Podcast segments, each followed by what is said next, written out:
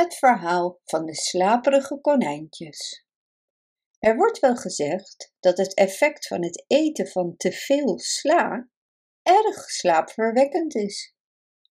Ik heb me nooit slaperig gevoeld na het eten van sla, maar ik ben dan ook geen konijn. Het eten van sla had zeker een zeer slaapverwekkend effect op de Flopsy-konijntjes. Toen Benjamin Konijn opgroeide, trouwde hij met zijn nicht Flopsy. Ze kregen samen een groot, vrolijk en baldadig gezin. Ik herinner me de afzonderlijke namen van hun kinderen niet. Ze werden over het algemeen de Flopsy-konijntjes genoemd. Omdat er niet altijd genoeg eten voor alle konijntjes was, leende Benjamin in die tijd vaak kool van Flopsy's broer, Pieter Konijn, die een kwekerij had. Maar soms had Pieter Konijn geen kool over. Als dit het geval was, gingen de Flopsy-konijntjes via het veld naar een vuilnisbelt. Deze lag in een sloot buiten de tuin van meneer McGregor. De vuilnisbelt van meneer McGregor was een rare mengelmoes. Er was van alles en nog wat te vinden. Er waren jampotten, papieren zakken en bergen gemaaid gras van de maaimachine. Dit smaakte altijd een beetje vettig. Verder lag er rot groentemerg en een paar oude laarzen. Op een dag waren de konijntjes o zo blij. Op de vuilnisbelt lag namelijk een grote hoeveelheid overgroeide sla die in de bloei was geschoten. De Flopsy konijntjes vulden hun buikjes met de sla. Toen werd de een na de ander, stukje bij beetje, overmand door slaap. Ze gingen daarom in het gemaaide gras liggen. Benjamin Konijn werd niet zo erg door de slaap overmand als zijn kinderen. Hij was nog voldoende wakker om voor het slapen een papieren zak over zijn hoofd te doen om de vliegen weg te houden. De kleine Flopsy-konijntjes sliepen heerlijk in de warme zon. Opeens klonk er, in de verte achter het grasveld bij de tuin, het ratelende geluid van de maaimachine. De bromvliegen zoemden langs de muur en een kleine oude muis struinde rond in het afval tussen de jampotten. Ik kan je haar naam vertellen. Ze heette Thomasina Titelmaus. En het was een bosmuis met een lange staart. Ze ritselde over de papieren zak en maakte daarmee Benjamin Konijn wakker. De muis verontschuldigde zich uitgebreid en zei dat ze Pieter Konijn kende. Terwijl zij en Benjamin aan het praten waren dicht onder de muur, hoorden ze een zware voetstap boven hun hoofden. Plotseling leegde meneer McGregor een zak vol grasmaaisel op de kop van de slapende Flopsy-konijntjes. Benjamin kroop ineen onder zijn papieren zak. De muis verstopte zich snel in een jampot. De konijntjes glimlachten lief in hun slaap onder de regen van gras. Ze werden niet wakker, omdat de sla zo slaapverwekkend was geweest. Ze droomden dat hun moeder Flopsy hen in een hooibed stopte. Meneer McGregor keek naar beneden nadat hij zijn zak had geleegd. Hij zag een paar grappige bruine oorpunten door het gras naar boven steken.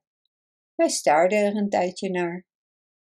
Weldra zat er een vlieg op een van de bruine oorpunten. En toen bewoog er zelfs een oor.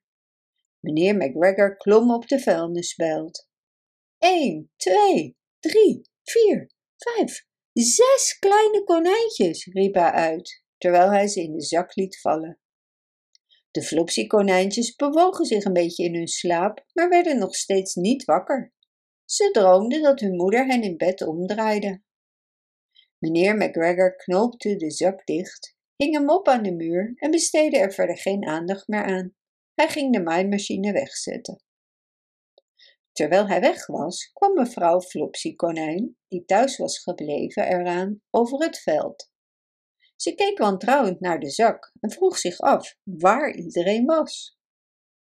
Toen kwam de muis uit haar jampot en Benjamin nam de papieren zak van zijn hoofd. En ze vertelde haar het droevige verhaal. Benjamin en Flopsy waren wanhopig. Ze konden het touwtje van de zak niet losmaken. Maar gelukkig was de bosmuis, mevrouw Diddelmaus, een vindingrijk persoon. Zij knabbelde een gat in de onderste hoek van de zak.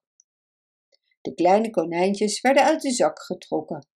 Er moest hard in hun oren geknepen worden om ze wakker te krijgen. Hun ouders vulden de zak vervolgens met rot groentemerg, een oude borstel en twee rotte rapen.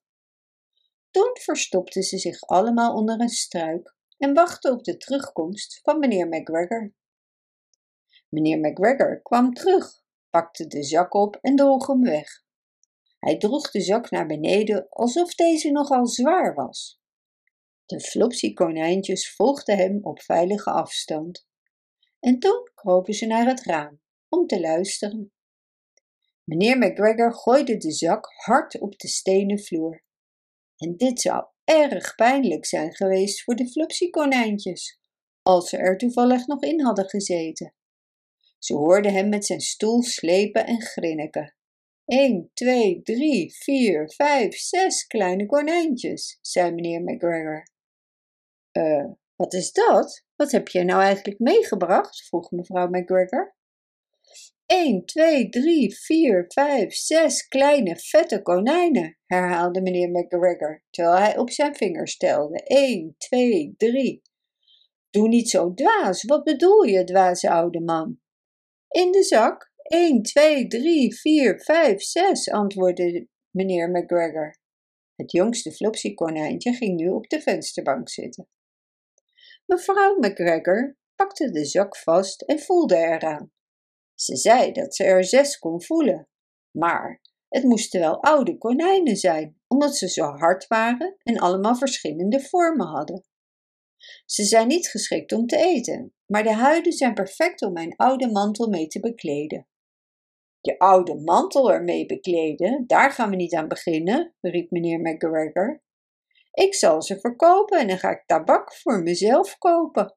Konijnentabak. Ik zal ze villen en hun hoofd eraf halen. Mevrouw McGregor maakte de zak open en stak haar hand erin. Toen ze de groente voelde, werd ze heel erg boos. Ze zei dat meneer McGregor dit met opzet had gedaan. Meneer McGregor werd ook heel boos. Hij smeet het rotte groentemerg door het keukenraam naar buiten. Het jongste Flopsy-konijntje, wat op de vensterbank zat, werd erdoor geraakt en het deed best wel pijn. Toen dachten Benjamin en Flopsy dat het de hoogste tijd was om naar huis te gaan. Dus meneer McGregor kreeg zijn tabak niet en mevrouw McGregor kreeg haar konijnenvel ook niet. Maar de eerstvolgende kerst kreeg Thomasina Tiddelmaus wel konijnenwol, een cadeau als dank voor haar hulp. Ze kreeg genoeg om er een mantel met capuchon, een mooie mof en een paar warme wanten van te maken.